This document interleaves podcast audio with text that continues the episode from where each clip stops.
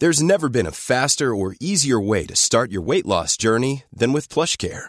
PlushCare accepts most insurance plans and gives you online access to board-certified physicians who can prescribe FDA-approved weight loss medications like Wigovi and Zepbound for those who qualify. Take charge of your health and speak with a board-certified physician about a weight loss plan that's right for you.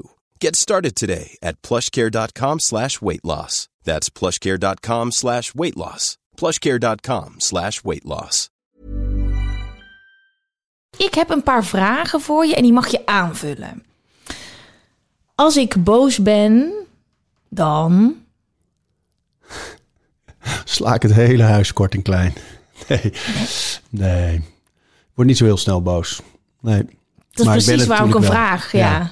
Ja, dat is grappig, ja, inderdaad. Als je een beetje kalm karakter hebt, vragen mensen zich altijd af hoe dat er dan uitziet als je wel boos bent. Wat je natuurlijk ook bent. Ieder mens is boos, ieder mens is verdrietig. Ik ook.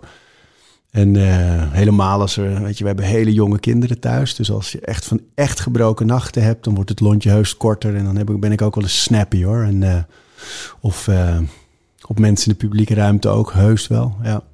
Ja, Vroeger sloeg ik er dan op en eh, dat is niet meer zo. Ik kan me redelijk goed beheersen. dat vind ik heel bijzonder om te horen, want daar kan ik me dus echt niks bij voorstellen. Nee, er maar er ja. zijn dus mensen die kunnen zeggen... Zo, ik heb ooit klappen gehad van Arie Boomsma. Nou, dat weet ik niet. Maar wel van, nou, die was boos. Dat Ja. kan ik, ik, kan me niet. Maar Nee, zo goed kennen we elkaar ook veel niet. gevochten, joh. Nee, maar ja, dat is het, weet je. Ik denk dat iedereen wel een beetje door dezelfde dingen gaat. En sommige mensen blijven kinderachtig eh, met korte lontjes en eh, snel geprikkeld. En andere mensen hebben iets meer beheersing en controle. En die worden volwassen. Ja. nou, weet je, ik vind het mooi als mensen heel emotioneel zijn ook, hoor. Of mijn vrouw heeft bijvoorbeeld, die zal niet snel boos worden. Die is een heel kalm karakter, maar die uit direct. Mm. Dus als ze iets voelt of denkt of ervaart, dan meteen uiten. En dat is heel mooi, vind ik dat. Ja, En eh, ik ben wat rationeler. Dus ik, eh, ja, bij mij gaan er eerst allerlei radars eh, gaan, gaan lopen. En dan, dan reageer ik. Ja. vul je elkaar mooi aan. ja, dat werkt goed. Ja. De beste keuze uit mijn leven is... Te gaan ondernemen in de sport. Ja, Ja, denk ik nu. Ja, dat zijn wel vragen, denk ik, dat je in elke fase van je leven misschien wel weer een ander antwoord hebt. Mhm. Maar ik denk dat je in je leven een paar keer zo'n moment hebt dat de dingen ineens kloppen. En ik heb dat eh, met televisie ooit gehad toen ik bij de EO terecht kwam en voor het eerst eigenlijk programma's ging maken over dingen die me ook echt bezig hielden. Terwijl daarvoor was alles gewoon ja zeggen als ik een kans kreeg en maar meters maken en uren ervaring opdoen. dat herken ik wel. Ja, en dan heb je ineens zo dat je ergens werkt waar je een, een kans krijgt om echt iets te maken wat er voor je gevoel toe doet. Of dat er ineens klopt, ah, hierom vind ik dit werk leuk. En dat heb ik daar ervaren. En dat is een tijd dan doorgegaan. En op een gegeven moment met de beslissing om te denken van ik ga meer ondernemen in die sport waar ik zo van hou. eh, mijn hele leven al ga ik, ga ik echt mijn werk van maken. Eh, dat moment was weer zo'n moment. En dat voelt op dit moment als eh, de beste keuze op werkgebied. En privé is het ja, gewoon gezin, kinderen, die hele. Dat is natuurlijk niet één beslissing. Dus niet echt een keuze of zo die je op een dag maakt. Dat is meer geleidelijk. Dus ik, ik denk dan als je die vraag stelt eerder aan werk. Mooi, mooi. Dan gaan we beginnen. Oh, ik dacht dat we er al in zaten. Nee, dit is, ik begin altijd op drie momenten en eh, dit is de eerste.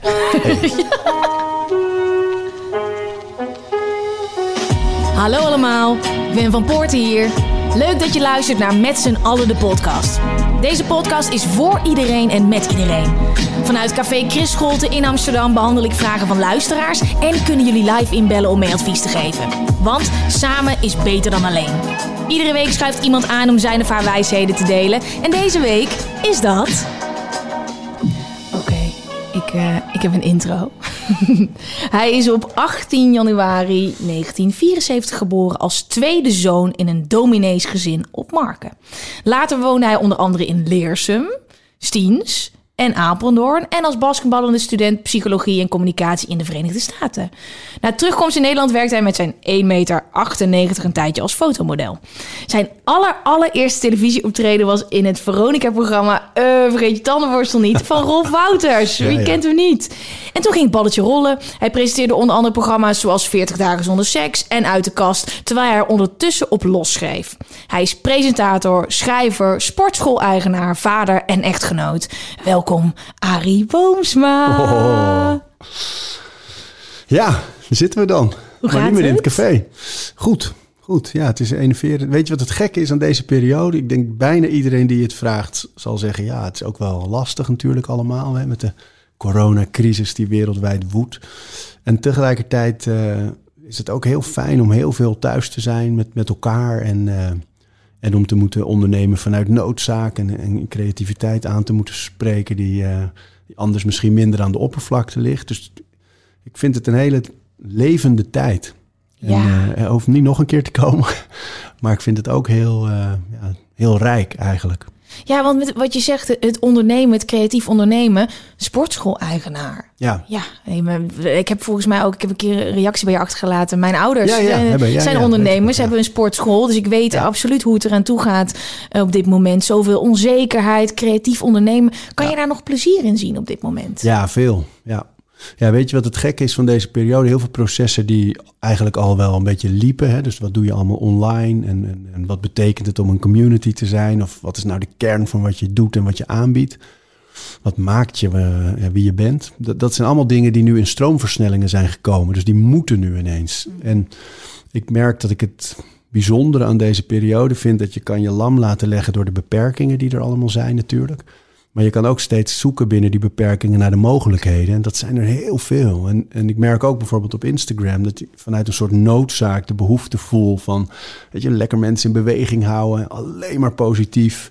En uh, dat betekent niet dat ik af en toe niet met de handen in het haar zit en denk: hoe gaan we hier nou weer mee om? Ja. En, uh, maar ik, ja, ik vind het een hele bijzondere tijd. En ja, nogmaals, hij hoeft echt niet nog een keer terug te komen. Als het klaar is, ben ik heel blij. Ja. En tegelijkertijd is het uh, ja, heel heel echt en heel relevant en heel. Uh, en knettergestoord. Ook. Ja, ook, ook, ook, absoluut. Ja. Ik vind het blijf het raar vinden. Dadelijk kunnen we het niet meer zeggen, maar een jaar geleden ja.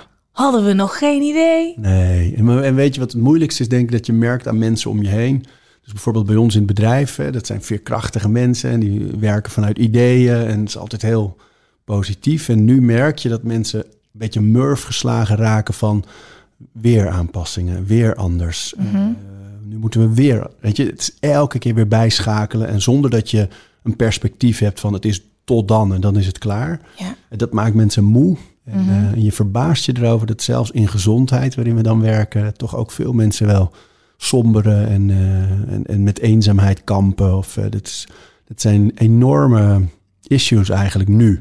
Waar je normaal gesproken helemaal niet mee te maken hebt eigenlijk. Dat, en dat drijft allemaal nu naar boven. Dus dat maakt het wel heel lastig om mensen ook gemotiveerd te houden en uh, gaande te houden. Ja. Maar ik zie dat je dat onwijs leuk doet op Instagram. Ja. In ieder geval altijd op maandag. Ja. Als ik dan mijn feed open en ik zie wat jij een video post van iemand die zeg maar op zijn pink zeg maar drie keer om zijn as draait. Dan denk ik, oké, okay, ik moet naar buiten om te gaan wandelen. Um, uh, voordat uh, we losgaan met alle vragen die de uh, luisteraars hebben gestuurd, heb ik altijd een paar huishoudelijke mededelingen. Want dit is de allereerste van het jaar. Oeh. Van 2021. Wij zouden natuurlijk al gaan draaien. Ik heb de stekker eruit getrokken. Ik dacht, de wereld staat stil.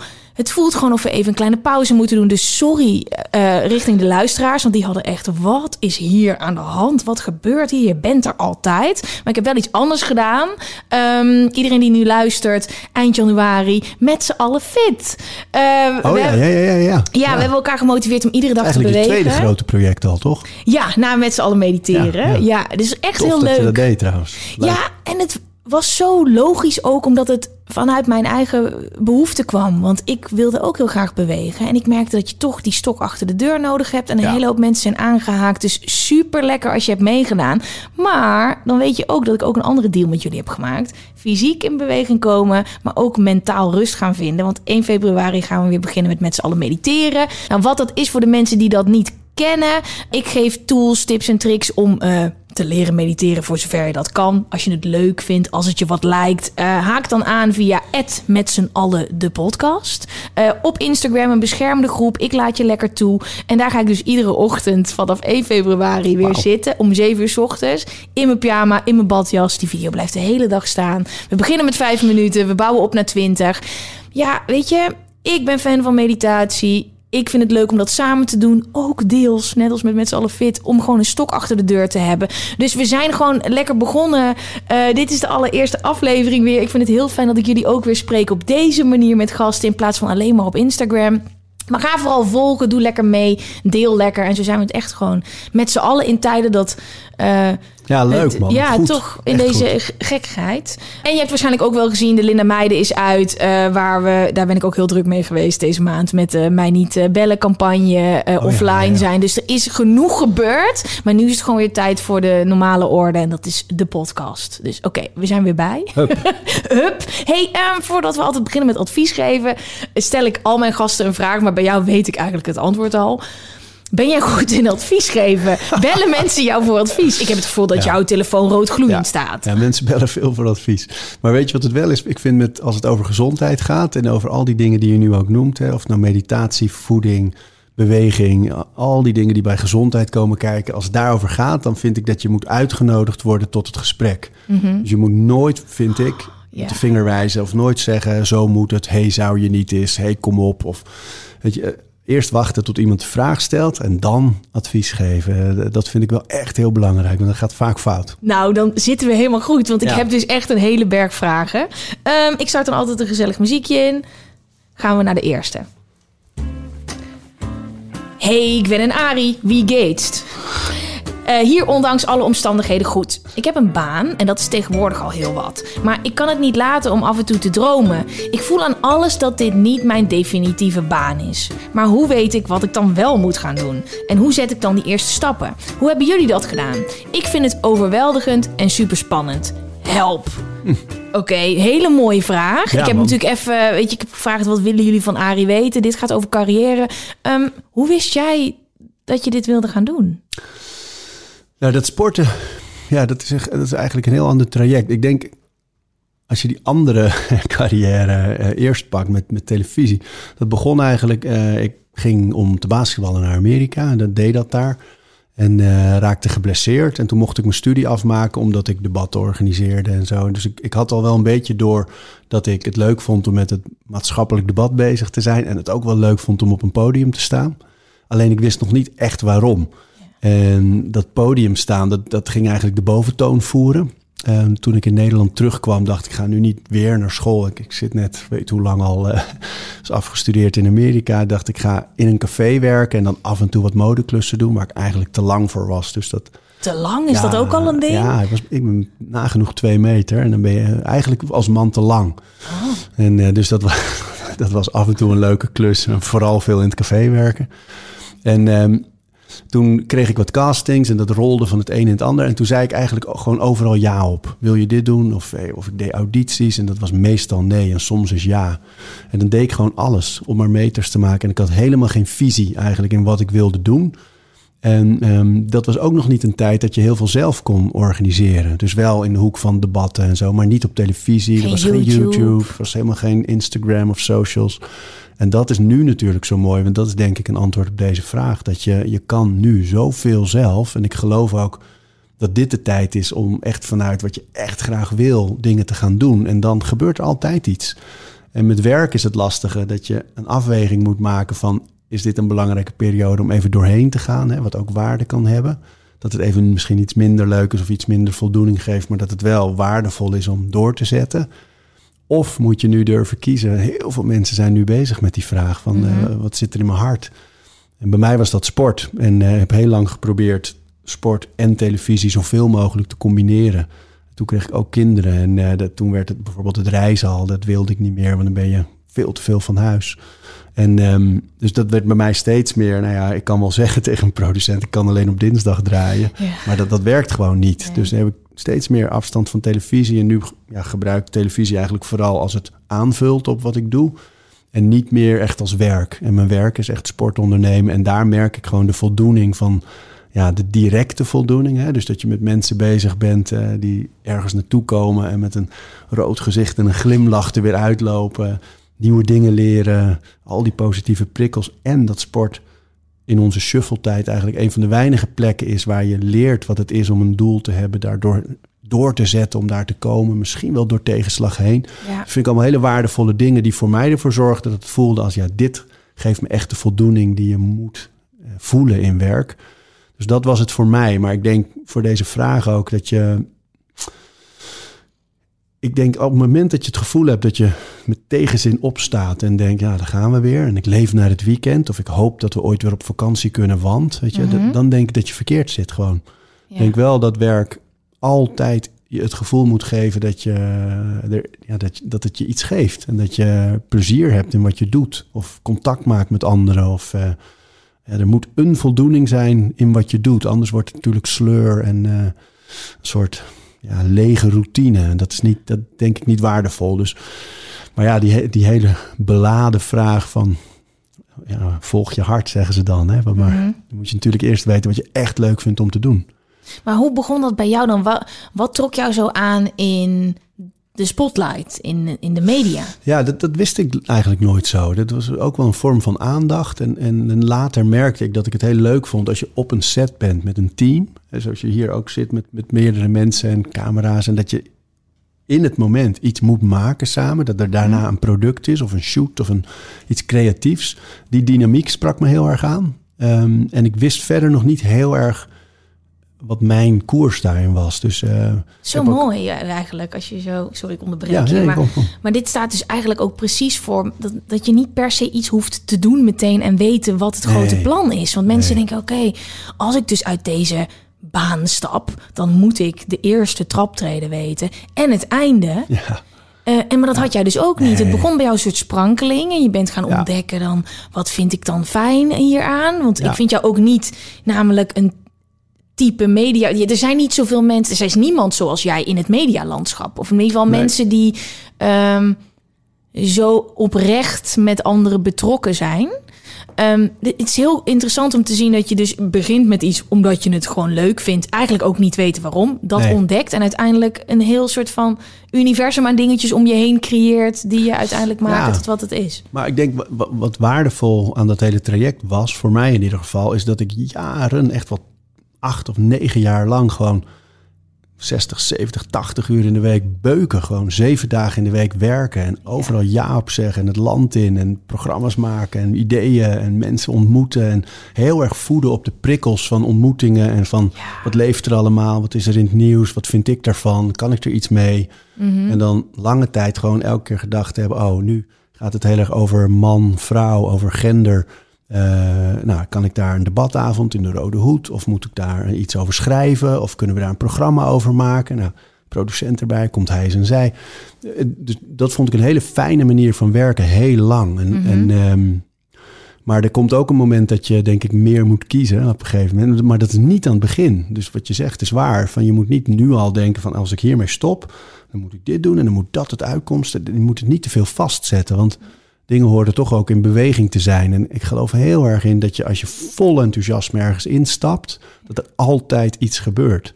Ja, was er een punt bij jou dat je dacht... Mother's Day is around the corner. Find the perfect gift for the mom in your life with a stunning piece of jewelry from Blue Nile. From timeless pearls to dazzling gemstones, Blue Nile has something she'll adore. Need it fast? Most items can ship overnight. Plus, enjoy guaranteed free shipping and returns. Don't miss our special Mother's Day deals. Save big on the season's most beautiful trends. For a limited time, get up to 50% off by going to BlueNile.com. That's BlueNile.com. Many of us have those stubborn pounds that seem impossible to lose, no matter how good we eat or how hard we work out. My solution is PlushCare. PlushCare is a leading telehealth provider with doctors who are there for you day and night to partner with you in your weight loss journey. They can prescribe FDA-approved weight loss medications like Wagovi and Zepbound for those who qualify. Plus, they accept most insurance plans. To get started, visit plushcare.com slash weight loss. That's plushcare.com slash weight loss. Ik ben zoveel aan het doen en Ja. ik ben aan het rennen. En ik zeg dus overal ja op. Ja. Ja. Dit moet stoppen. En Ja. hoe uit zich dat dan? Ja, heb ik best wel vaak gehad in mijn leven. Ik heb bijvoorbeeld toen ik aan, aan het beginnen was en gewoon al die audities en castings de hele tijd maar afliep. Dan werkte ik ook in een café op het Leidseplein in Amsterdam. En dan kwam ik weer om drie uur. Toen rookten mensen nog binnen. Dus dan ruik je helemaal naar rook. En dan lag ik. En er was er net Red Bull op de markt gekomen. Dus wij dronken dat. Want we mochten geen alcohol drinken achter de bar. Dus lig je met zo'n dikke, tikkend hart, doodmoe. Maar niet kunnen slapen. Stinkend naar rook. Liep ik die trap op naar mijn huis. dacht ik, ja, wat, wat ben ik eigenlijk? Hoe lang? En dan ging ik overdag weer zitten schrijven en eh, Engels lezen om mijn taal te oefenen. En, en weer, hup, weer twee audities en weer twee keer nee. En ja, dat, toen heb ik best wel vaak gedacht, eh, is dit de weg? Maar ik geloofde ook heel erg dat daar toch iets voor me lag. En eh, op een gegeven moment kreeg ik de kans om te gaan omroepen bij Jorin. Ja. Wat op papier een heel leeg en oppervlakkig ding is. Maar in de praktijk werkten we daar met een heel leuk team. Moest ik eigenlijk alleen maar de programma's aankondigen om half acht Friends en om Ik weet dit nog. Ja, Ik keek alles. Ja, maar dat was wat je had. Je had geen. Ik heb gewoon de eerste jaren dat ik gewoon bewust tv kon kijken. Je had als jong Ja. meisje had je Jorin Ja, en dan ging je naar El Bundy kijken of naar weet ik veel wat. Maar dan, dat was gewoon wat je had. Het is Cash niet dat Carlo. je precies al die programma's. Dat was gewoon voor de tv kijkende Nederlander. ja, Eh, ja. dit was wel wat je ging doen. Je had niks wij gingen anders. zeven keer op een avond live. Met dus een je in hele een studio en een team. En er Ja. keken ook echt natuurlijk mega veel mensen naar. En geen autocue en het was echt... Dus was dat geen autocue? Nee, nee, nee. Dus we moesten smiddags dan daar smiddags de, de programma's scannen, zodat je er iets over kon zeggen. Dan schreef ik een tekstje eh, per programma, waar gaat het over? En eh, dat moest je dan aankondigen, meestal in blokjes van drie. Eentje wat kort, eentje wat kort, eentje wat lang. En eh, dus dan voel je ook een paar keer natuurlijk, want op een gegeven moment werden al mijn collega's zwanger. Dus ik zat daar vier avonden in de week. En op, het gaat ook gebeuren dat je dat lichtje van die camera aan ziet gaan en freest, weet je, en dat voelen van en nu? Wat ging ik ook alweer zeggen? Wat moeten we? Je, Dat zijn hele waardevolle momenten. Niet leuk op het moment, maar wel Nee. heel waardevol. Ja. En eh, of dat eh, nou, op een gegeven moment sterft er iemand in het koningshuis en moet alles op zwart en moet de tekst. Dus er gebeurde heel veel. Je leert er zoveel Ja, man. van. Ja, en dus dat was een hele goede tijd. Maar ja, toen pas dus bij, bij de EO dat ik eigenlijk dacht, toen had ik dat moment van nu klopt het. Nu dacht ik, ah, er was toen heel veel discussie over seksualisering van de samenleving. En eh, wa- wat kun je daar voor programma over maken? Dus hadden we bedacht van, oké, mensen die heel veel met seks bezig zijn, echt heel veel, misschien wel dwangmatig. eh, die gaan we vragen 40 dagen helemaal niks te doen. Geen seks, maar ook niet zelf, helemaal niks. En dan kijken wat blijft er over. Weet je, welke waarde heeft liefde of trouw of intimiteit? Wat betekent dat voor je? Dus het was ineens een heel leuk programma om te maken. En toen voelde ik eigenlijk voor het eerst als de dingen kloppen. Het ging er in de samenleving over. We maakten een mooi programma. Ook wel een beetje schurend, spannend, omdat het bij de EO was. Maar wel, wel gewoon echt heel tof. Ja. En eh, veel media eromheen. En dus we laden ook die maatschappelijke discussie. En toen dacht ik, dit is het. Dit is wat ik wil doen. Van, eh, dus dat was dat moment. En dat ontdek je dus door te doen en te proberen. Ja, ja, ja. Want dat had je natuurlijk niet voor mogelijk gehouden bij Jorin, dat Nee. dat gevoel er was. Je weet Nee. pas dat het gevoel er is als je het ervaart. Ja, echt. En met sport was het hetzelfde. Want ik weet nog dat ik tegen mijn vrouw zei van ja, ik ga. En ook bij de KRO waar ik toen werkte, had ik gezegd van ja, ik ga samen met wat vrienden een sportschool openen. Maar ik kan mijn werk gewoon blijven doen. Want zo zag ik het echt. Ik dacht, dit is gewoon voor vrienden en gelijkgestemden. En eh, laten we 500, 600 leden. Dan kunnen we goed winst draaien. En, dan, eh, en toen zat het ineens binnen een paar maanden boven de 750 en een wachtlijst. En eh 2.500 leden. En toen dacht ik, hé, hey, wacht. Dit is natuurlijk wat heel veel mensen willen. Gewoon een soort sportvereniging waar je bij hoort. Weet je, waar goede kwaliteit en eh, leuke sfeer. Alleen maar hip-hop. Ja. Mooie omgeving. Fijne mensen die elkaar groeten als ze elkaar zien en niet afgesloten. En eh, dus toen begon eigenlijk pas dat ik dacht, nee, dit is mijn weg nu. Van, eh, dit is waar ik mijn hele leven mee bezig ben, sport en trainen. En ehm, past ook bij de tijd. En ik geniet er heel erg van om iets op te bouwen en daar in eh, mijn schouders onder te zetten. Dus toen had ik weer zo'n moment en dat ik dacht, ja, nee, dit is nu mijn weg en eh, dit klopt. Kan jij kort en bondig advies geven? Want ik start dan altijd nog een. Nee, nee. Nee. maar we doen altijd een, een blokje, zeg maar zo aan het einde. Want je hebt alles al gezegd. Maar ik hoorde van mensen, ik ben ook de hele tijd aan het proberen met eh soort van te variëren. Dan stel ik de vraag, dan ronden we hem af. Dat mensen zeiden: Ja, ik vind het toch wel fijn als ik daarna nog advies Ja, ja, ja, krijg. ja. Echt gewoon ik één dacht, ding. Ja, en ik heb dat eigenlijk een beetje eruit gesloopt. Maar je, je hoort het maar. Ik luister echt naar wat jullie tegen mij zeggen. Ik lees het echt. Ik voel aan alles dat dit niet mijn definitieve baan is. Maar hoe weet ik wat ik dan wel moet gaan doen? Hoe zet ik dan die eerste stappen? Ja. Zullen we die even allebei soort van... En dan start ik even een gezellig muziekje Ja, kom. in. Hey, yes, go. Ja, ik- ik- het is toch gewoon proberen. En eh, ik zou niet stoppen met je werk voordat je een beetje een gevoel hebt van, oh, dat andere wil ik proberen. maar wel je gewoon heel erg afvragen van eh, wat vind ik leuk om te doen? Weet je, wat zijn nou als ik opsta, wat, waar denk ik aan? Of eh, waar ben ik veel mee bezig? Als je de dingen die je heel graag wil doen in je hoofd neemt en je kijkt naar de realiteit en die verschillen te veel, ja, dan moet er iets veranderen. Dus de dingen die je echt leuk vindt om te doen, wat zijn dat en hoe kun je daar je werk van maken? Dat, Ja. dat zou ik doen. En, eh, en niet stoppen voordat je iets anders hebt.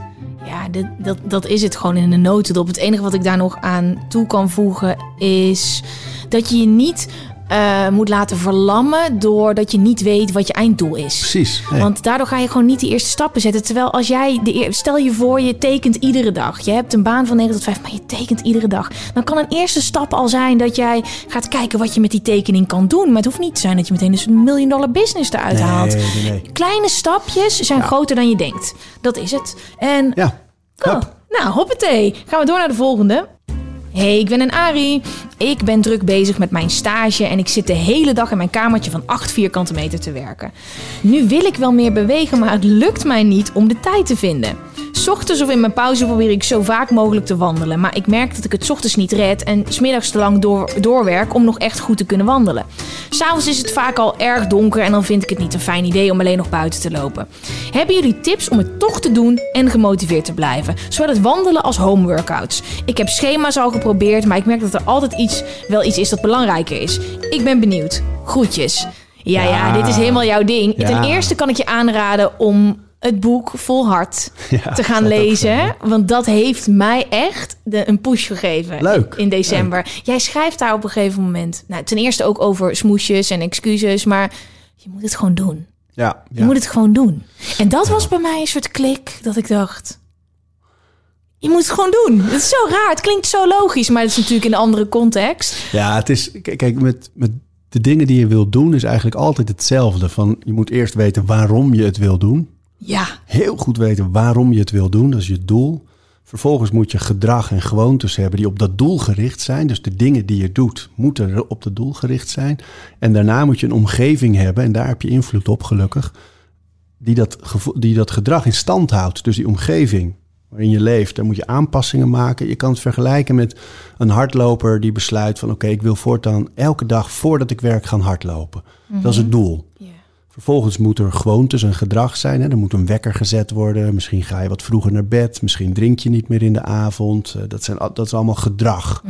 En dan moet de omgeving zo ingericht zijn dat dat gedrag in stand kan worden gehouden. Dus misschien moet je wel in je hardloopkleding gaan slapen. Of het in ieder geval ik klaarleggen. heb het naast mijn bed eh, gelegd door jou. Ja, goed. Of je wekker buiten handbereik leggen. Hè? Dat Ja. je niet vanaf je bed de snoesknop in kan drukken. Want je moet eruit, dan ben je er al uit. Misschien moet je wel bij je gedrag of bij je omgeving iemand hebben die je helpt. Hè? Dat je samen dingen doet. Dus die drie dingen zijn altijd hetzelfde. En hiermee, met deze vraag, dat is heel herkenbaar voor, denk ik, voor heel veel mensen. Ehm, als het niet in je agenda staat, dan bestaat het niet. Dus je kan je voornemen van, oké, ik wil elke dag een beetje bewegen thuis, want ik werk thuis op een kleine kamer en ik moet bewegen, want ik wil energie hebben, ik wil positief blijven, ik wil enzovoort enzovoort. Als je dat niet opschrijft echt als ding in je agenda, dan bestaat het niet. En dan is er altijd iets anders belangrijker. Dat zegt ze ook zelf natuurlijk. En daar, dat is die omgeving. Dus als je iets voorneemt en je verandert geen dingen in je leven om dat die nieuwe prioriteit tussen al die andere prioriteiten er nog tussen te krijgen, dan gaat er niks gebeuren. Dan ga je op enthousiasme een paar weken, hè, twaalf dagen is geloof ik over het algemeen dat mensen goede voornemens volhouden. En dan stopt het, want er is niks veranderd in de omgeving, in het leven. Dus in dit geval zou ik willen adviseren om een vast moment te kiezen. Eén vast moment per dag. Ja, dat zeg je dus ook. Ja, dat vond ik zo interessant. Het kost minder energie om iets iedere dag te doen Ja. dan bijvoorbeeld drie keer in de week. Ja. En toen dacht ik echt, oh mijn god, hè? Dit klopt. Ja. Dit, dit- en, en ik. Maar waarom dacht je, had je voorbeelden? Nou, omdat je nog het gevoel hebt dat je er een beetje mee kan spelen anders. Dus Ja. dan denk je, ik, oké, ik ga iedere maandag sporten en iedere woensdag. Maar woensdag heb ik opnames voor de podcast, dus het wordt dan een Ja. beetje lastig. Dus dan ga ik naar donderdag. Dus dan die eerste weken ben je gemotiveerd. Totdat je op een gegeven moment dacht, oh, wat had ik nou ook alweer met mezelf afgesproken? En toen ben ik de wekker gaan zetten en iedere ochtend gaan wandelen. Perfect. Zelfs in de regen. En dat is dus makkelijker omdat je niet de tijd hebt om te onderhandelen met jezelf. Ja, het is over, want het gaat over ritme natuurlijk. Ehm, op het moment dat iets elke dag gebeurt, is het ook rust in je hoofd. Ja. Want anders blijft er in je hoofd zitten, oh ja, ik moet ook nog, oh ja, ik moet niet, ik moet niet vergeten, ik moet, Ja. ik moet, ik moet, ik moet. Terwijl elke dag is rust, is ritme. En mensen zijn dan bang van als ze eh, zo'n vast ritme hebben, dat er geen ruimte is voor impulsiviteit. Terwijl er juist heel veel ruimte ontstaat door een vaste structuur. Door rust in je hoofd. Precies. Maar dat, Ja. wat, dat wat jij die bespreekt over die patronen, dat is zo interessant. Want ja, ik ben nu 31 en ik begin echt nu pas te zien dat patronen in je leven voor zoveel rust zorgen, omdat er meer ruimte is. Ja. Je hebt, doet iets, net als dat je je tanden poetst.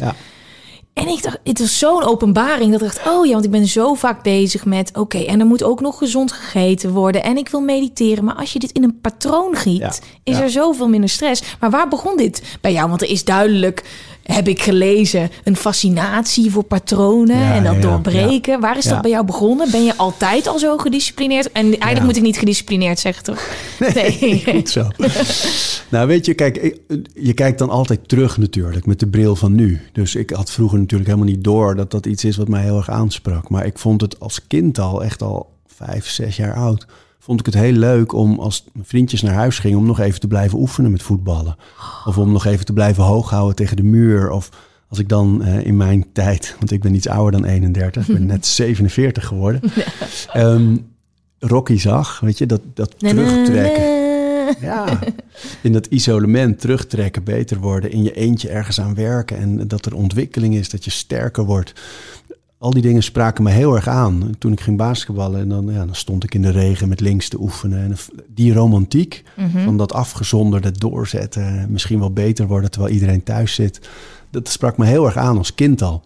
En eh, dat is altijd zo gebleven. En in Amerika heb ik zes jaar gewoond en eh, gestudeerd. En daar voelde ik wat het is om in een structuur van in mijn geval een basketbalteam ehm, te moeten trainen. Dus elke dag met krachttraining bezig zijn. Elke dag met ballhandling. Hè, de, de, Zorgen dat je goede balcontrole hebt. Elke dag met teamtraining. Ehm, elke dag op hetzelfde tijdstip naar bed. Want je moet om vijf uur op. Of eh, vijf uur trainen zelfs.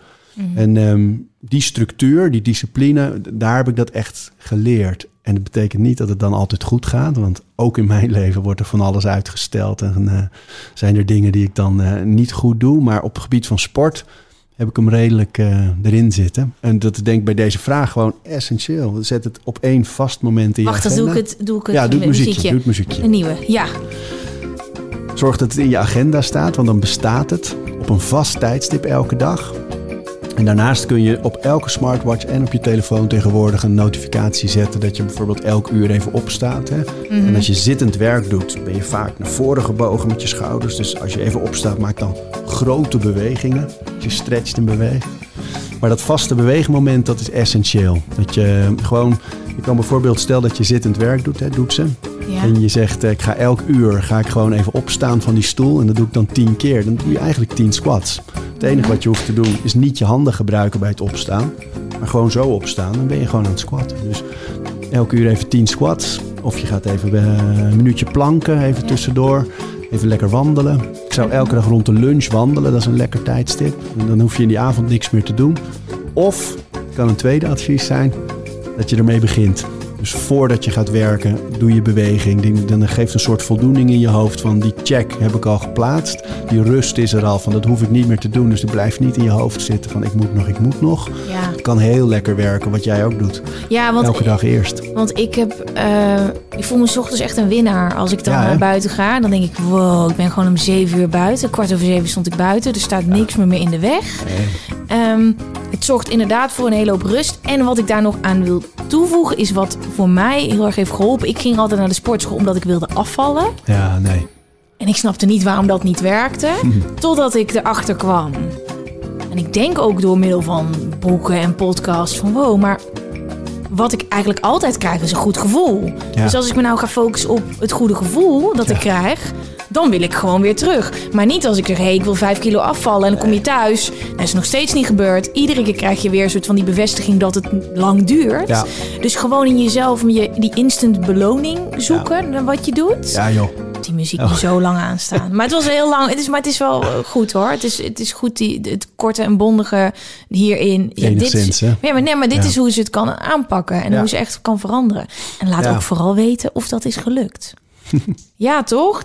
Dit is, maar dit is, in, in- ik denk, iets waar een hele hoop mensen op dit moment mee dealen. Want wat het ook is, je hebt niet dat festival waar je voor je in een leuk jurkje en een Nee. dingetje. En je hebt niet die prikkels van het dagelijks leven, waardoor je normaal soort van een beetje je koers blijft lopen. Ja, ja. Je kan ook een kleine zoutzak worden. Wat ik helemaal ben geworden de eerste lockdown. Echt vol zandzak. En uiteindelijk is erachter gekomen dat dat niet eh, de, de weg naar geluk was. Maar het is een uitdaging nu. Ja, het is, kijk, alles draait om ritme. En eh, nu is het elke keer weer bijschakelen. En mensen thuis, je hebt, het is gewoon heel erg moeilijk om thuis een ritme te bepalen. Omdat je daar zo gewend bent al aan allerlei andere dingen. Ja. Dus nu moet ineens dit er allemaal bij. En Kijk dat, eh, Jasper aan. Jasper heeft, Toch Jasper? Jasper heeft een bankje gekocht met eh dumbbells. Nice. ja. Nice. Ja, maar dat zijn wel dingen. Kijk, ik denk in gewoontes bouwen en eh, of, of, of gewoontes afleren ook trouwens. Is de dingen die je graag wil doen, moet je zo toegankelijk mogelijk maken. En de dingen die je niet wil doen, moet je zo moeilijk mogelijk maken. Dus een bankje kopen, ja, dat is wel stap één. Vervolgens moet je natuurlijk zorgen dat het ook gebruikt wordt. En dat het niet als eh, alle Telcel-producten ooit in, een- in een kast verdwijnt. En, eh, Daar gaan we dadelijk naar de podcast even over kletsen, hè? Ja. Eh, we gaan door naar de volgende vraag. Jee, hey, hey.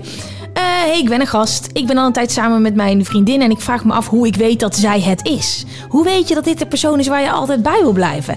Des te meer ik me focus ehm, daarop, hoe meer vragen er komen. er staat een naam onder, toch? Nee. Ehm, eh, kan je dit als mens weten? Welke vragen moet ik kunnen beantwoorden voor ik haar bijvoorbeeld ten huwelijk kan vragen? Begrijp me niet verkeerd, ik ben super gek op haar. Ze is fantastisch, maar hoe weet ik of ze het is?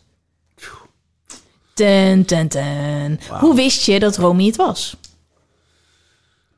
Was er een moment dat je dacht, nou, yes. Ja, ik was eigenlijk. Ik heb een paar, eh, wat, nou, één hele lange relatie gehad. En daarna wat flinks. En daarna wat jaren van eh shufflestand. en, ehm, en in die jaren van shufflestand dacht ik eigenlijk van misschien is dit voor mij eigenlijk wel het meest geschikt. Gewoon, weet je, als ik eh, het fijn vind om even bij iemand te zijn, dan zoek ik iemand op en dan eh, gaan we uit en dan hebben we seks. En dan weet je, dat voelde op dat moment even goed. En ehm, dus ik begon daar een beetje vrede mee te hebben. Toen kwam ik Romy tegen, die ik al veel langer kende. En altijd een soort spanning voelde al als we elkaar zagen. En, ehm, en toen begonnen we iets. En eigenlijk allebei een beetje met van, nou ja, we zien wel. En al heel snel eh, voelde dat al als veel meer. Maar ik, toen dacht ik ook, toen ging ik op vakantie naar mijn broer. Die woont in Egypte. En toen miste ik haar ineens. Eh, van de weken daarvoor hadden we elkaar heel veel gezien. En terwijl we nog niet hadden gezegd, het is iets of zo. Weet je? Het was gewoon een beetje zo onbenoemd. En ehm, toen miste ik haar. Toen dacht ik, oeh, dat, dat, is, iets, eh, is iets anders dan wat ik de laatste tijd eh, veel heb gedaan. Dus daar begon het mee. En toen kwam ik terug en toen had ik echt zin om haar te zien. En daarna was elke ogenschijnlijk enorme stap voelde heel logisch. Dus eh, van samenwonen tot na een tijdje over kinderen praten. Over, weet je, al die stappen die echt heel groot zijn eigenlijk. Die voelden heel logisch en op geen enkele manier beklemmend. Toen dacht ik, ah, dat, dit klopt. En eh, daarna heb ik gewoon ervaren, eh, ja, eigenlijk voor het eerst in mijn leven, hoe het echt is als iets klopt. En eh, dat je elkaar aanvult, dat ik kalm werd. Ik ben, ik ben een kalme persoonlijkheid, maar ik ben, heb wel altijd een onrust van dat ik dingen wil doen. En, eh, je- en die heeft zij helemaal niet. Dus daar werd ik ook weer rustig van. Voelde me Oh, heel erg fijn. compleet. Ja, dat was heel. dus dat waren allemaal signalen voor mij. Maar ik, de, de reden dat ik het altijd moeilijk vind om deze vraag te beantwoorden voor iemand anders, is dat ik heel erg geloof dat het per fase in je leven heel verschillend is. Dat ik negen jaar geleden op geen enkele wijze klaar was voor eh, binden. Weet je wel, voor eh, echt iets aangaan. En eh, omdat ik zelf gewoon onrustig was en altijd op pad. En er, wa- was geen fundament. Dus ik, ik kon ergens op bouwen toen. Dus ja, waar, dan kun je... Het is een beetje als een schip dat, eh, dat, dat maar rondgaat, weet je wel. Er is geen grond om een anker in te slaan. Dus ja, dat, dat, dat gaat niet. Dat kan je nooit bouwen. En als je zelf nog zo bezig bent in je leven met... ik wil dat nog en ik moet daar en ik wil... Weet je, dan, dan, dan is het heel lastig om een leven daarnaast... parallel eigenlijk daaraan te laten ontwikkelen. Want je moet wel samen leven. Ja. En daar moet een aanvulling zijn en, eh, en dat moet elkaar niet in de weg zitten. Maar er gebeurt nog steeds heel veel bij jou. Heel veel, ja. Alleen eh, er zit wel voor mij in ieder geval hele duidelijke koers in. Dus er zit heel duidelijk een kern in. En ik zeg heel veel nee. En ik, eh, ik werk bijvoorbeeld nooit s'avonds. Uh, heel af en toe doe ik een televisieding als er iets te vertellen is. Of, maar ik, ik doe geen avonden in het land. Of weet je, dat soort dingen doe ik allemaal niet meer. En gewoon om lekker thuis te zijn. En ik ben veel thuis met de kinderen. Dus ik, ik heb een hele gestructureerd. Ik kwam er namelijk, dat is misschien een beter antwoord. Ik kwam erachter dat ik, net als iedereen, het positief vond om druk te zijn, heel lang. Mm Ik dacht, ja, weet je, je wordt veel gevraagd en veel kansen en ik kan dit en dat en leer overal van en het levert ook veel op. En, ehm, en dat ik dat iets positiefs vond. Dat ik ook merkte dat ik, als mensen het zeiden, van, ja, ik heb het druk. En dat het, Kwam je daarachter? Nou, um, ja, ik hoorde het mezelf gewoon vaak zeggen eigenlijk. En ik merkte ook dat het me ook voldoening gaf. Omdat het mij het idee gaf van in ontwikkeling te zijn. En dat er veel gebeurde en dat was lekker. Ja. En nu zit ik eigenlijk in een fase dat als ik andere mensen hoor zeggen... nee, het overzichtelijk. Dan denk ik, ah, maar jij hebt het onder controle. Ja, jij hebt je oh, leven onder controle. Je weet hoe je nee moet zeggen. En je hebt duidelijke keuzes. En dit zijn je prioriteiten en dit niet. En zo wil ik leven. En dat is nu eigenlijk veel beter op orde dan, uh, dan ooit daarvoor.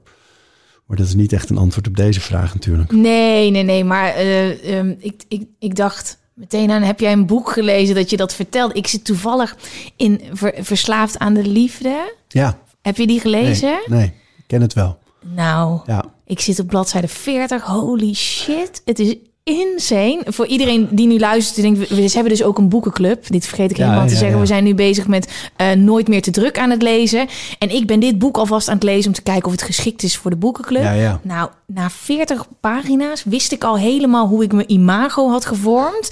Een soort van kernwaarde. Ja, ik ben, wat ben je altijd als je binnenkomt? Ik ben altijd druk. Maar dat kon je dus herleiden aan wat ik eerder had soort van aangevinkt. Dat je jezelf niet genoeg voelt in de kern. Hoe dat allemaal, al die lagen met elkaar samen. Dus toevallig, ik lag namelijk in bed twee nachten, twee avonden geleden. Ik zit tegen mijn vriend.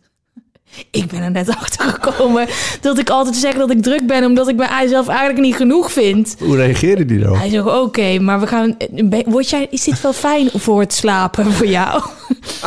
Word je hier niet druk van? Ik ben vervolgens natuurlijk het hele boek gaan samenvatten. Maar ik vind het heel interessant dat je dat zegt, want er zit toch nog een hele hoop mensen Inclusief dat ik dat zelf ook niet. Ik vind het helemaal niet interessant om te zeggen dat ik druk ben, maar waar komt dat dan vandaan? Het is inderdaad veel mooier als iemand binnenkomt. Nou, het, het, loopt allemaal lekker ontspannen, alles is in balans. Ja. Diegene heeft zijn of haar agenda onder controle. Ja. Dat is heel interessant, hè? Ja, maar het is natuurlijk ook dat mensen. Uh, ik heb het zelfs nu nog wel eens hoor. Terwijl ik heb een mooi, uh, mooi evenwicht gevonden. En toch heb ik dan wel eens, als ik dan bijvoorbeeld zeg dat ik uh, bijna elke middag thuis ben en uh, veel uh, van de zorg ook met de kinderen op me neem. En um, we verdelen het goed thuis. Dan, dan dat ik soms denk, oh, maar nu moet ik zeggen dat ik uh, ondertussen ook heel veel werk. Of heel, weet je, dat soort compensatie komt, mm. er, komt er achteraan. Yeah. Terwijl, nee, ja, ik vind dat echt. Het is een beetje die hele Tim Ferriss school van de 4-hour work week. Ja, ja, um, ja, ja, ja sinds dat boek eigenlijk zijn veel meer mensen bezig met het nieuwe goed is natuurlijk, het nieuwe goud ook, is, is tijd. Ja. Dat je tijd hebt om, uh, om dingen te doen en te ervaren en, en tegelijkertijd wel je werk op orde hebt. Want ja zuivere ambitie, hard werken vind ik wel hele mooie dingen. Maar dat zit hem niet in tijd. Dat zit hem voor mij veel meer in efficiëntie. In focus. Ja, ja. Je hoort ondertussen, uh, ik weet niet wat je, of je het heel goed hoort, maar de, ze zijn hier. Nou, ik heb het gevoel dat ze het hele ei aan het, uh, aan het leeghalen zijn. Ik weet niet wat ze aan het doen zijn, maar je hoort een soort boor. Nee, die mensen zijn ook gewoon aan het werken. essentiële ja, beroepen. Maar ik denk, ik benoem het even, dat je denkt dat het mijn maag is of zo. We zijn een beetje aan het afwijken, want het ging natuurlijk over de ware. Ja, de ware um, vinden. Kijk, ik, ik denk wel dat dat is iets wat je voelt. En deze persoon voelt het dus niet en vraagt het zich af. Maar dat is ja, tricky waar we ons nu begeven natuurlijk. Maar Wacht, ik ga wel... een muziekje instarten. Ja, zeg het maar. je, je begeeft je op glad ijs hier natuurlijk. Maar het is wel vaak als je, als je twijfelt of als je je afvraagt, is dit de ware? Ja. Ja, ik denk dat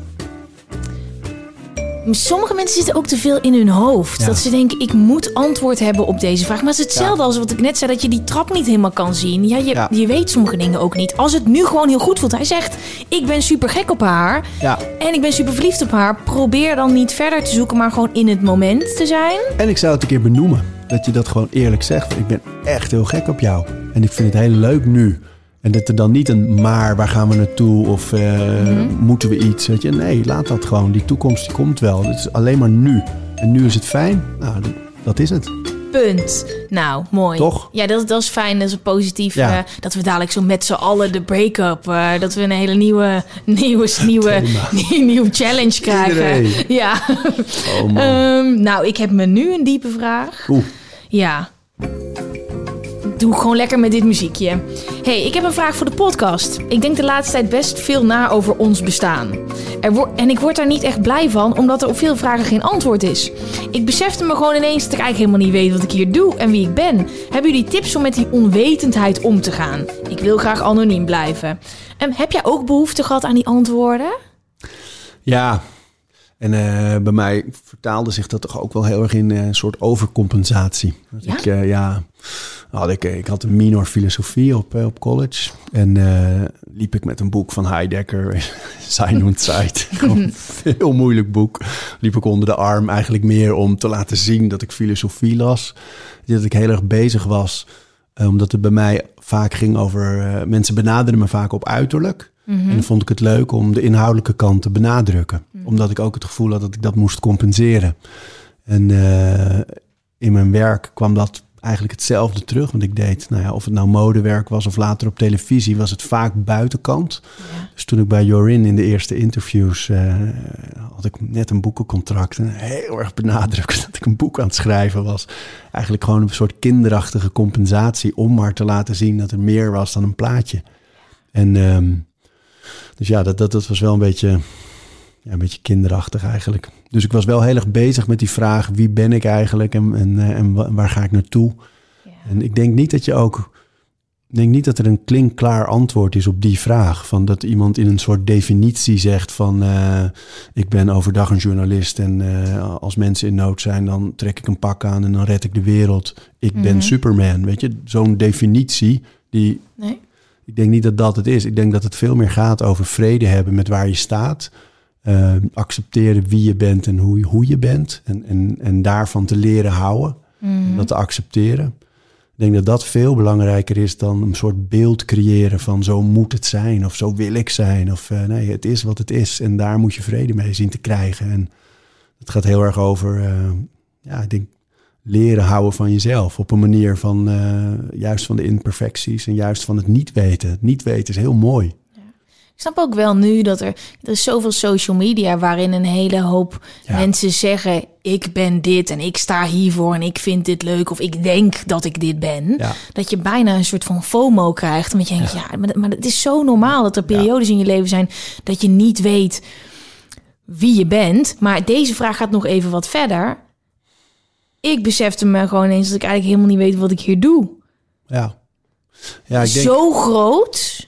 Heb jij daar ooit, is dat een onderzoek? Ik heb daar namelijk helemaal geen last van. Ik heb nooit gehad dat ik bijvoorbeeld, ik denk, ik, ik interpreteer de vraag zo als in, wie zijn we, wat doen we hier op aarde? En, en ik heb, Ja. ik ben, maar ik geloof gewoon ook heel erg dat het niet ophoudt of zo hierna. Dat we een soort van oneindige energieën zijn. Ik heb daar gewoon heel veel vrede mee. Ik geloof dat dit gewoon een soort Dan heb je level wel is. een antwoord natuurlijk gevonden. Ja. Een antwoord. Ja, nou, dat is voor mij zo normaal dat ik denk, ja, ik ga me toch niet afvragen wat we hier komen doen, joh.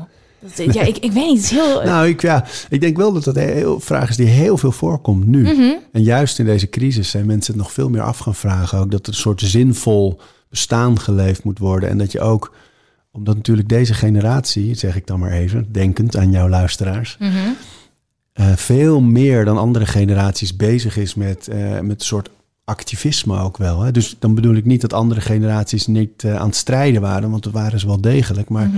Je wordt nu veel meer geacht overal iets van te vinden. Wat vind je van het milieu? Wat vind je van politiek? Wat vind je van Trump? Wat vind je van Amerika? Wat vind je van Black Lives Matter? Wat vind je van... Je, je moet je uiten de hele tijd en overal maar iets van vinden. Wat vind je daarvan? Van al deze dingen. ja, nee, maar wat vind je van dat je overal altijd wa- waar, wat Nou, van dat moet is vinden? moeilijk, want dat kan niet.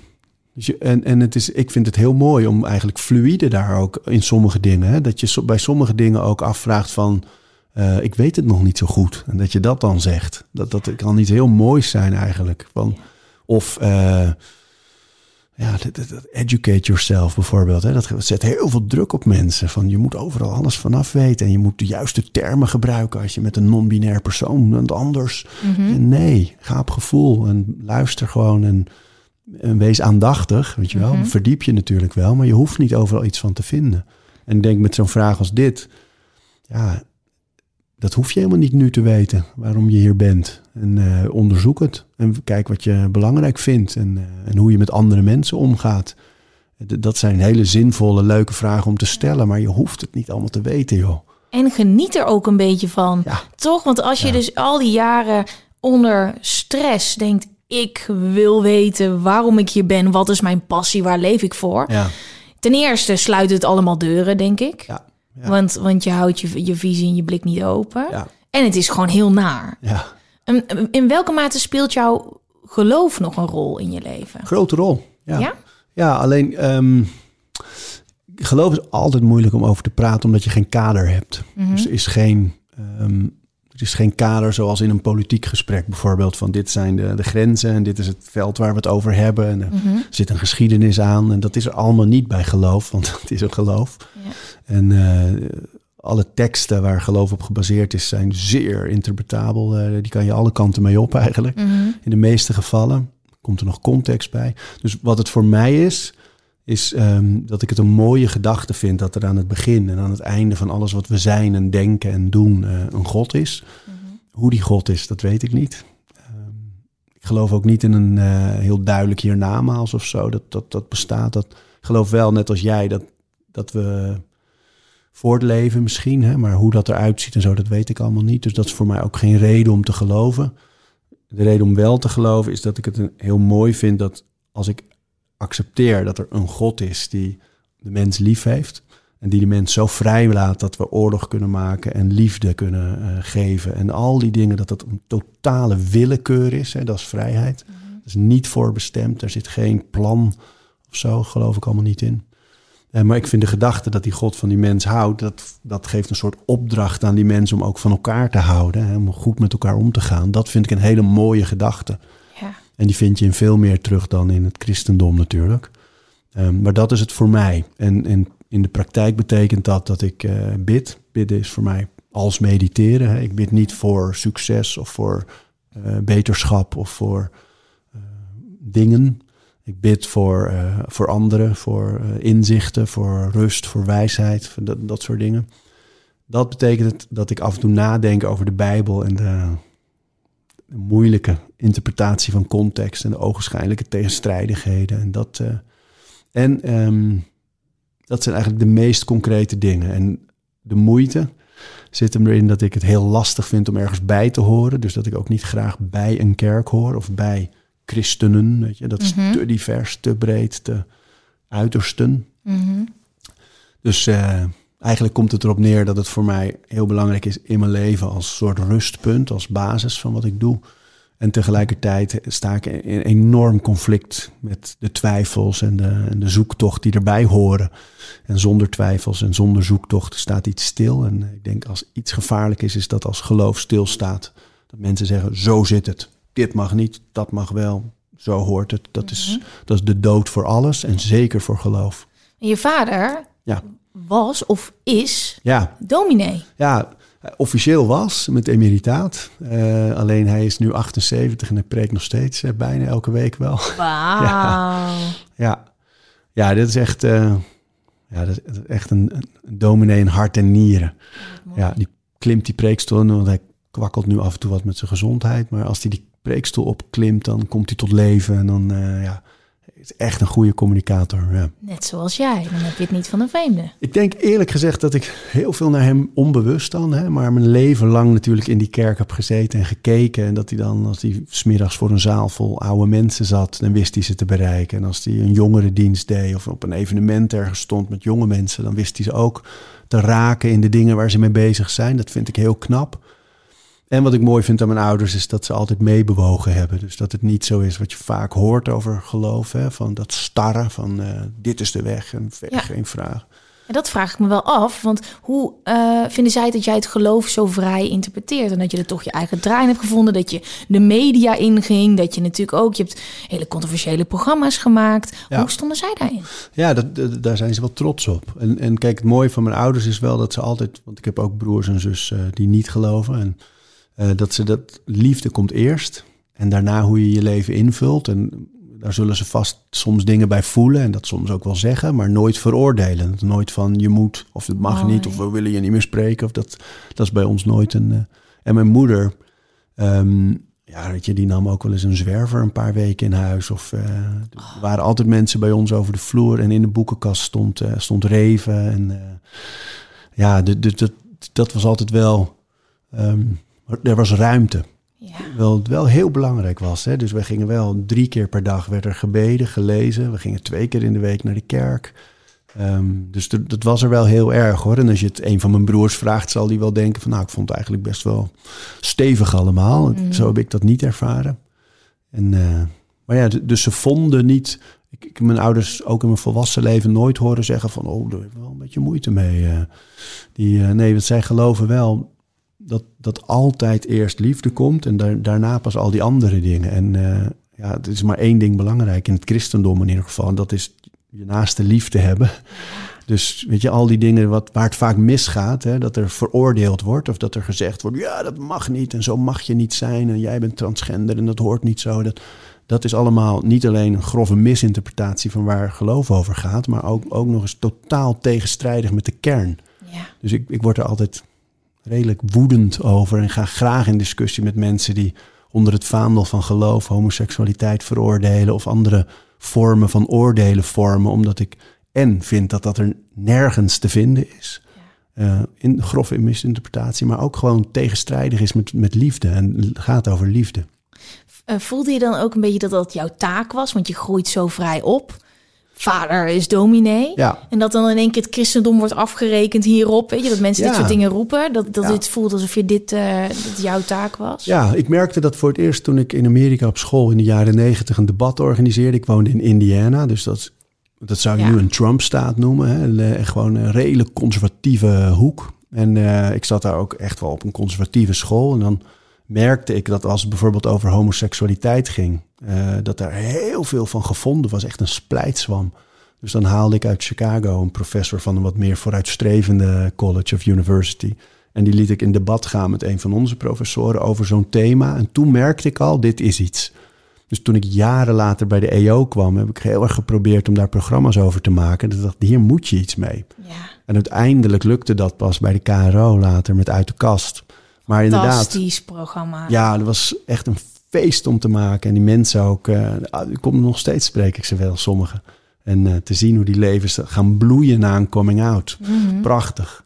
Maar allemaal wel heel erg vanuit de behoefte om inderdaad te laten zien van nee jongens, je moet nergens over oordelen. En eh, het enige belangrijke is liefde. En mensen, iedereen moet helemaal kunnen zijn wie hij, zij of eh, eh, dien is. Ja. Hoe je het maar allemaal wil noemen. Ja. Maar ja, dus dat, dat staat voor mij voorop altijd. En dat heeft zeker met elkaar te maken, ja. ja. Mooi. Ehm, we gaan hier geen kort antwoord op geven, want ik vind gewoon niet dat deze vraag daarvoor geschikt is. Maar ik hoop wel dat degene die hem heeft ingestuurd hier wat aan heeft gehad. Hmm. Ehm, dan zijn er nog twee vragen. Eén hele korte. Ik wil ook even benadrukken voor iedereen die luistert en die graag een vraag in wil sturen. Zeg even, hey hallo, ik ben een vrouw, ik ben een man. Ik wil een vraag insturen, want, want dit is gewoon, dit is wat ik binnenkreeg. Hoe trek ik me minder aan van negativiteit van een ander uit de omgeving? Dat Hey. is een hele goede vraag hoor, maar ik had dan graag een beetje willen weten. Hallo, nou, wie ben je? Schets even een profiel. Geef even een voorbeeld, want het is zo breed nu. Ik vind het een hele mooie vraag. Ja. Maar DM op met z'n allen de podcast. Of op de website die volgende week live gaat. Ehm, ja, ik helemaal een website. Ehm, want dan kun- kunnen we meer een probleem schetsen of een probleem een, een beeld schetsen. Maar het is nog steeds wel een hele goede vraag. Hoe trek ik me minder aan van negativiteit van een ander uit de omgeving. Ja. Hoe, Arie, heb jij wel eens dat je dat nog hebt? Dat je weggaat ergens dat je dacht... Oeh, ik voel hem. Ja, tuurlijk joh. Ja. Kijk, eh, als, zeker moet je even googlen Man in the Arena speech. Want dat is de kern van waar dit over gaat. Ja? is een speech van Roosevelt. En die gaat helemaal over ja, de man in the arena, hè, waar iedereen kritiek op heeft. En eigenlijk is het hele punt van als mensen niet staan waar jij staat, als mensen niet bezig zijn hoe jij bezig bent, als mensen niet het werk doen dat jij doet, dan hebben ze niks te zeggen over hoe je dat doet. Ehm, dus als je niet die man in de arena bent of ernaast staat, dan kun je daar geen kritiek op hebben. Het is een heel mooi, eh, mooi stuk tekst. Maar voor mij heeft het heel erg te maken met ehm, in mijn leven vaak gemerkt hebben eh, dat de dingen die ik doe of zeg eh, altijd voorstanders hebben en tegenstanders. En in het begin daar heel erg mee bezig zijn en, en, op een gegeven moment besloten hebben van oké, die zullen er dus altijd zijn. En, en wat ik nooit wil doen is dingen doen omdat een ander ze tof vindt of dingen niet doen omdat een ander ze stom vindt. Dus eigen koers houden en accepteren dat daar iets van gevonden wordt. En nooit laten leiden door kritiek of door lof. Allebei niet. En uh, dat was een hele belangrijke. En nu.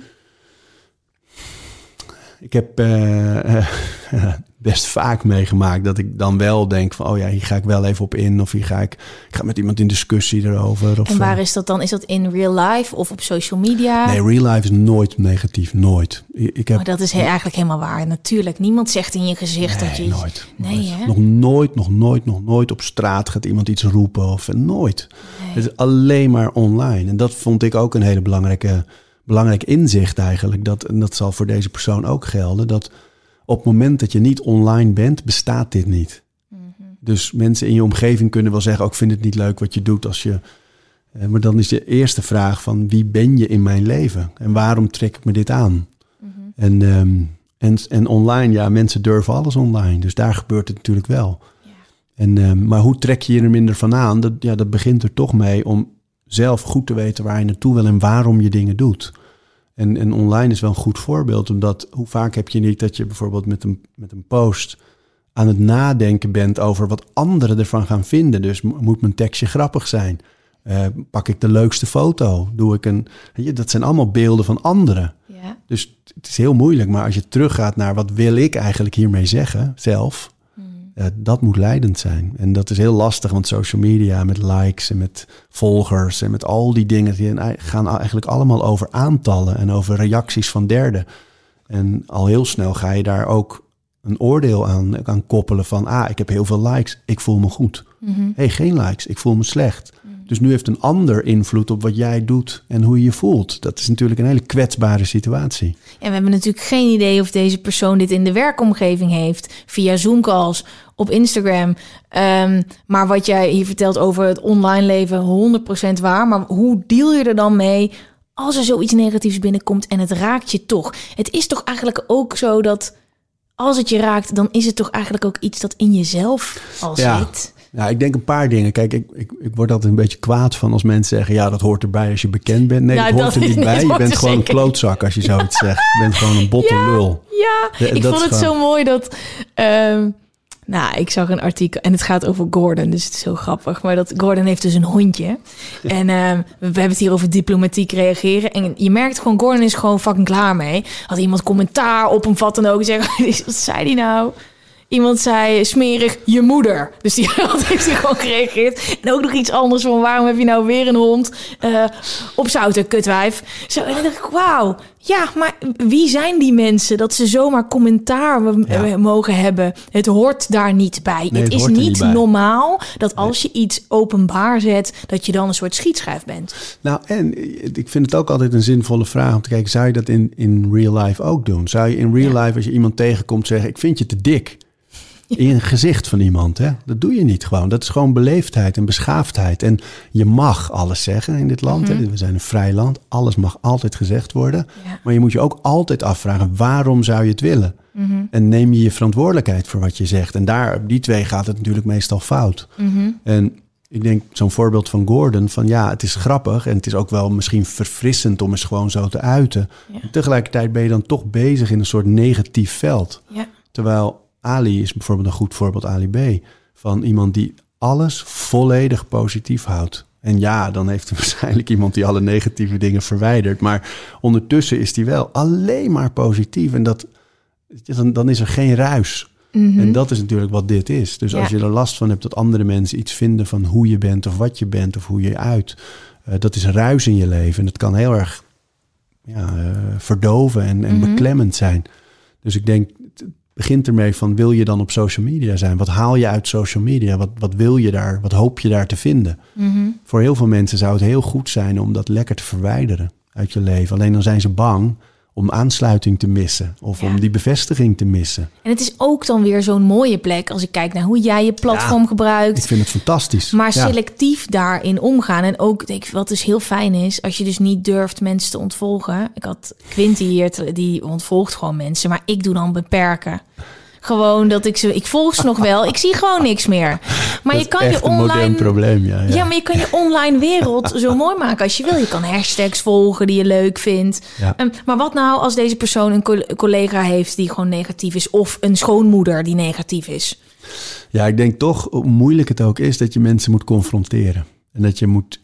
Ik, denk, ik geloof dat kwetsbaarheid altijd iets moois teweeg brengt. En het is heel. Het voelt spannend hè, om dat te doen. Maar als je. Stel inderdaad dat het een collega is die echt regelmatig zeurt over je of kritiek heeft. Of als je tegen naar iemand toestapt en echt in het gezicht zegt: hey, het doet me pijn wat je zegt. Ik, dan, dan moet je echt wel heel bot zijn om dan te zeggen: ja, weet ik. Bijvoorbeeld, weet je, dat, Ja. dat doet niemand. Dat doet bijna niemand. Ja, en dat kwetsbare is zo mooi, hè? Ja, ja. Dat, de- we durven bijna ook niet. Het, het, het wordt als iets negatiefs gezien als we onze angsten laten zien. Ja. Als we ons blootgeven. Dat is zo Terwijl mooi. mensen haken daarop aan. Dat heb je zelf ook gemerkt. Ja. Van als je denkt mensen meeneemt in iets wat je zelf ervaart, er is niks mooiers. Dus op het moment, ik heb ooit een, een paar seizoenen, vijf seizoenen, een programma gemaakt over de streep heette dat. En dan gingen we in klassen, gingen we zoeken naar wat kinderen gemeen hadden met elkaar. Terwijl ze uitgaan van verschillen.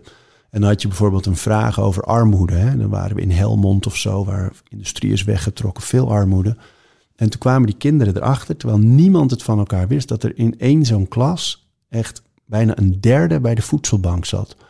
En, eh, en die zagen elkaar ineens tegelijk lopen naar zo'n streep, daar ging het over. Van als jij wel eens te maken hebt, of als je je wel eens zorgen maakt om geld, of als je denkt dat je ouders zorgen maken om geld, loop dan naar de streep, was, het, was de vraag. En dan zag je ze ineens allemaal lopen. En dan zagen ze elkaar en dan keken ze naar elkaar. En dan hadden ze misschien soms ruzie. En nu ineens hadden ze iets heel belangrijks met elkaar gemeen. En dat gaf zoveel begrip. Dat die kwetsbaarheid om te durven zeggen van ja, ik hoor daar ook bij.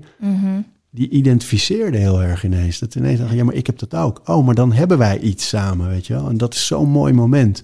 Daar gaat kwetsbaarheid altijd aan vooraf. Dat je durft te zeggen, je kwetst me of je doet me pijn of ik vind het moeilijk wat je zegt of hé, hey, waarom zeg je dat eigenlijk? Want ik vind, ik vind het niet fijn dat je dat doet. Ja, dan ontstaat er iets, maar het is heel moeilijk om dat te doen. Maar wel heel mooi. Ik ben Ja. echt nogmaals, stuur me alsjeblieft een beetje context. Maar ik denk hier, of het nou online was of in je directe omgeving. Hele mooie tips, heel mooi. eh. En online ook gewoon lekker blokken. Blokken weg uit je leven. Ja. Gewoon, waarom ik zou ben dan soms bang als ik blok dat ze dan met een fakkel voor de deur komen. Ik ben dan bang dat ze ontsporen. Ja, maar ik heb natuurlijk van die, echt van die mensen die gewoon... Ik heb echt Zoekers. soms. Nou ja, ik heb natuurlijk Spuitenslik gepresenteerd. Dus ik ben een soort magneet voor mensen die... eh, nou ja, sowieso sta ik bekend omdat niks te gek is. En dan soms escaleert iets een beetje. En dan denk ik, als ik deze persoon ga blokken... Dat, dat, die, dat is al bedreigend en eng, zeg maar. Dan denk ik, oh, oké. Ik heb het namelijk één keer gedaan. En dat kwam, kwamen er vijf nieuwe accounts voor terug overal. ja, ja, dat gebeurt. Ja, ja, het ik doe beperken. Als, je, als ik in één keer je foto's niet meer like. nee, dit, dit is precies het tegenovergestelde advies. Ehm, er is nog een, eh, een laatste vraag. Hey, ik vind het heel leuk dat Arie te gast is, want ik bewonder hem onwijs. Hij is een grote inspiratie voor mij op het gebied van fit blijven. Ik ga 1 februari beginnen met met z'n allen mediteren. Yes! En daar heb ik super veel zin in. En ik vraag me af hoe Arie het hoofd koel houdt. Of is dat maar schijn? Knipoog. Mediteert hij ook? Hoe houdt hij alle ballen in de lucht? Nou, die vraag krijgen we vaak bij onze gasten. Van, hoe doen ze het allemaal? En als ik naar jouw leven kijk, gezin, sportschool-eigenaar, ondernemend, Ja, presentator. Ik, ik ging onderzoek doen natuurlijk nog. En er was nog veel meer te vinden dan ik al dacht. Jij bent altijd bezig. ja. Hoe hou jij het hoofd koel? Ja, meditatie is voor mij wel een belangrijk eh, ding in mijn leven, ja. ja.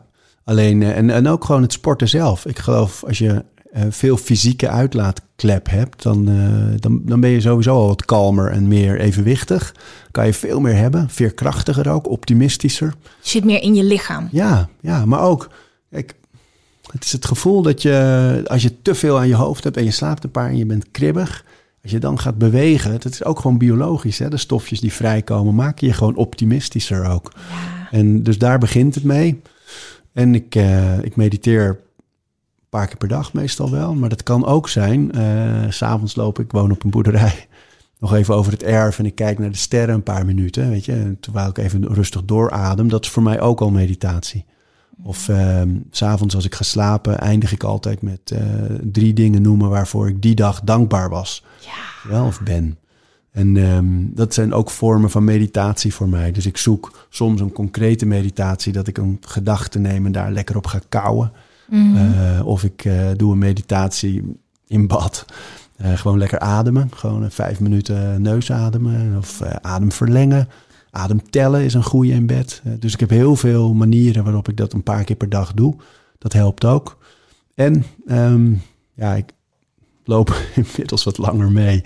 En weet dus ook wel dat als het gaat over hoe mensen reageren bijvoorbeeld... dat gaat eigenlijk nooit over, over jou of mij. Weet je? Die, er is altijd iets anders wat iemand meedraagt. En, en jij bent op dit moment de bliksemafleider. En eh, Dat is heel fijn. Hè, als Ja. je dat beseft. Had je niet op een gegeven moment dat moment, ik weet nog precies. ja, dat ik op de scooter onderweg was naar de sportschool 's ochtends en dat iemand, nee, dat ik iemand wilde uitschelden omdat eh, gewoon, het was al, is altijd de stadhouderskade, 's ochtends, irritant. En toen dacht ik, wow, ik scheld diegene dan uit, maar diegene heeft er helemaal niks mee te maken. Dus andersom, Ja, ja. als mensen op de weg mij uitschelden, dat heeft ook helemaal niks met hun of met mij te maken. Dus oh, wat interessant als een collega dus gewoon een klootzak is. En ik heb niks gedaan, dan ligt dat niet aan mij. Wat relaxed. Zo. Had jij een moment dat je dat besefte? Ja, bij mij is het wel over de jaren gegaan. Ik heb niet echt één eh ging echt Eureka-moment. Ja. Ja. Oh. Ja. Nee, dat had ik niet. Nee, het is echt wel over de jaren gegaan. En ook wel ja, door, door, door schade en schande hoor. Ik heb eh, ik- een hele lange tijd vond ik het heel leuk om bijvoorbeeld online mensen die echt ver gingen, om die eh, ook online eigenlijk een beetje aan de schandpaal te nagelen door een hele humoristische opmerking dan als antwoord te geven. Heerlijk, ja.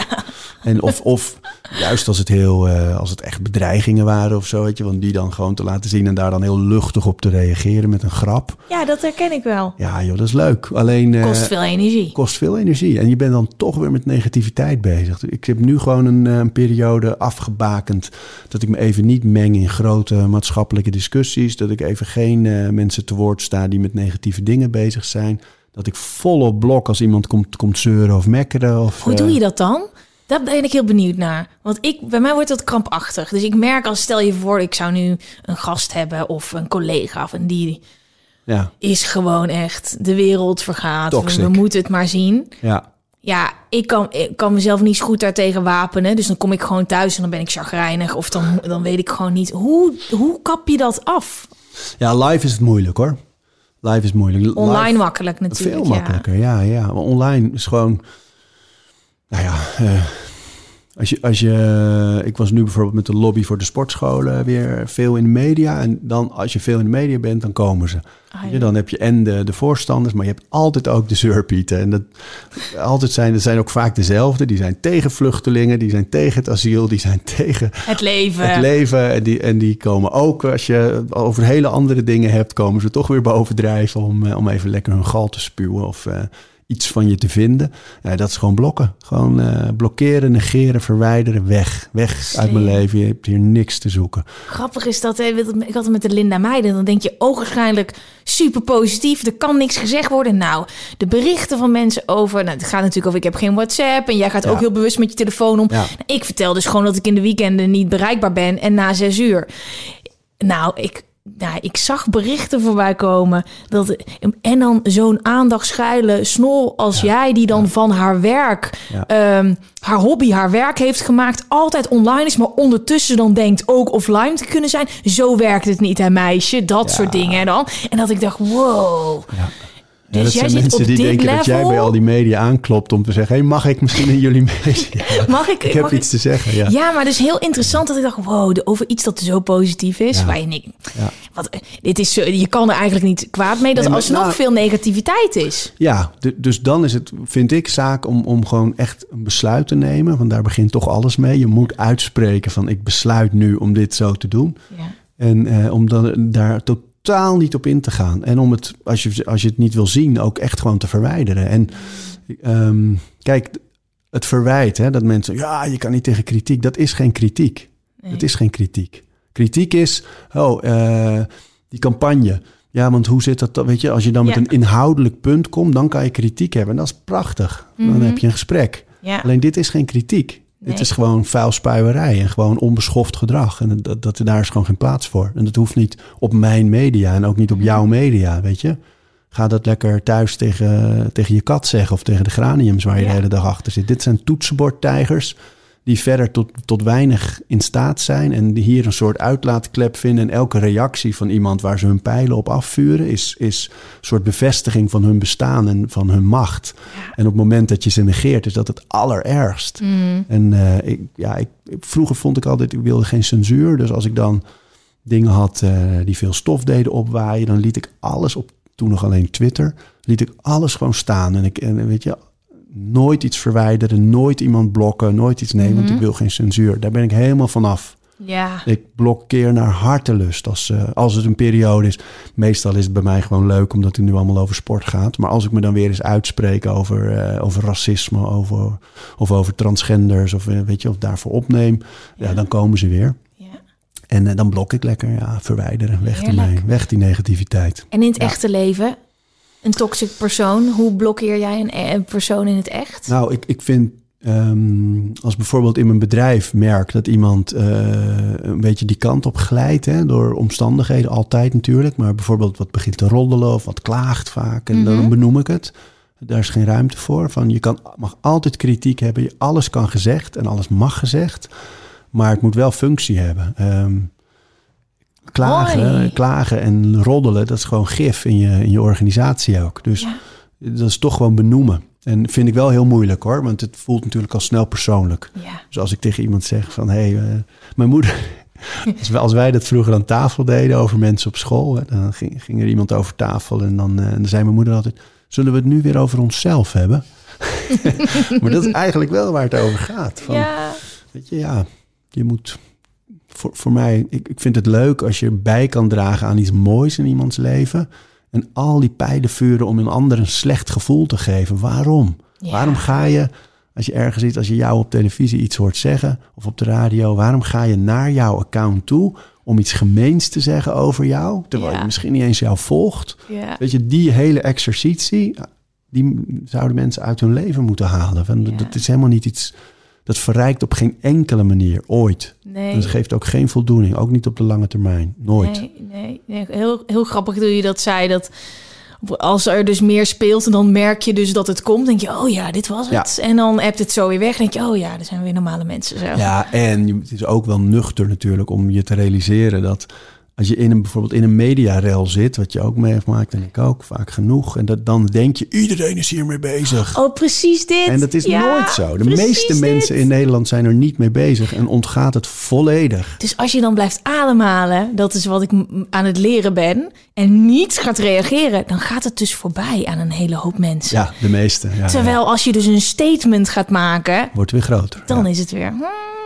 Ik heb eh, eigenlijk zelf nog een allerlaatste vraag aan jou. Eh, ehm, jij geeft in je boeken een hele hoop tips voor een leuker, beter, lekkerder leven. Zoals bijvoorbeeld eh, to-do-lijstjes maken om je hoofd leeg te maken. Wat is nou één tip waar jij echt naar leeft? Is er eentje? Is er eentje die een spotlight verdient? Ja, bewegen elke dag. Bam! Ja, weet, nee, maar weet je wat het is met beweging? Kijk, mensen denken vaak aan trainen. Dat moet in een sportschool of dat moet bij een vereniging. Of maar je, je zou van trainen naar bewegen moeten gaan. Mhm. En op het moment dat je je afvraagt van hoe leef ik? Zit ik veel? Eh, heb ik een heel actief werk? Hoe leef ik en hoe werk ik? En mijn beweging, mijn training, zou dat moeten ondersteunen.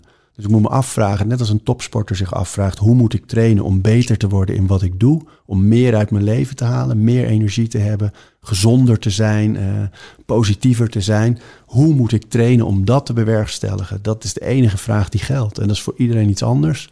Maar elke dag bewegen, dat haalt je door alles. Dat is echt de basis van alles. Of je nou kampt met verslaving, met depressiviteit, met welke problemen in ons leven dan ook. Beweging is zo'n essentiële factor in ieder geval iets beter te maken. Het lost niet alles op en je kan nog steeds droevig zijn eh, als je veel beweegt. Mhm. Maar het is wel echt een essentiële stap in alles. Nou, het is fantastisch dat jij de allereerste gast bent Van jaar. dit jaar. Aan het einde van de eerste maand van het jaar, waar we toch wel een beetje die goede voornemens, weet je, het verwatert een beetje. We komen aan het einde van met z'n allen fit. Nou, ik denk dat je nu genoeg motivatie hebt om wat je aan het doen bent gewoon door te zetten. Hè? Ja, dat joh. was ook Ja. natuurlijk de bedoeling. Het was niet zo van laten we dit in januari gaan doen en we stoppen met bewegen. De eerste van februari, ik, het was meer zo van we gaan door met bewegen en we starten met mediteren. Ehm, Super inspirerend, super fijn om je te zien. En ik Leuk. krijg helemaal goede, positieve vibes ervan. Lekker. Heel veel succes met alles, met alle mooie uitdagingen die er, die er zijn op dit moment, die er ook nog gaan komen. En eh, heel, heel fijn om je Leuker gesproken te zijn. Dank. Jee.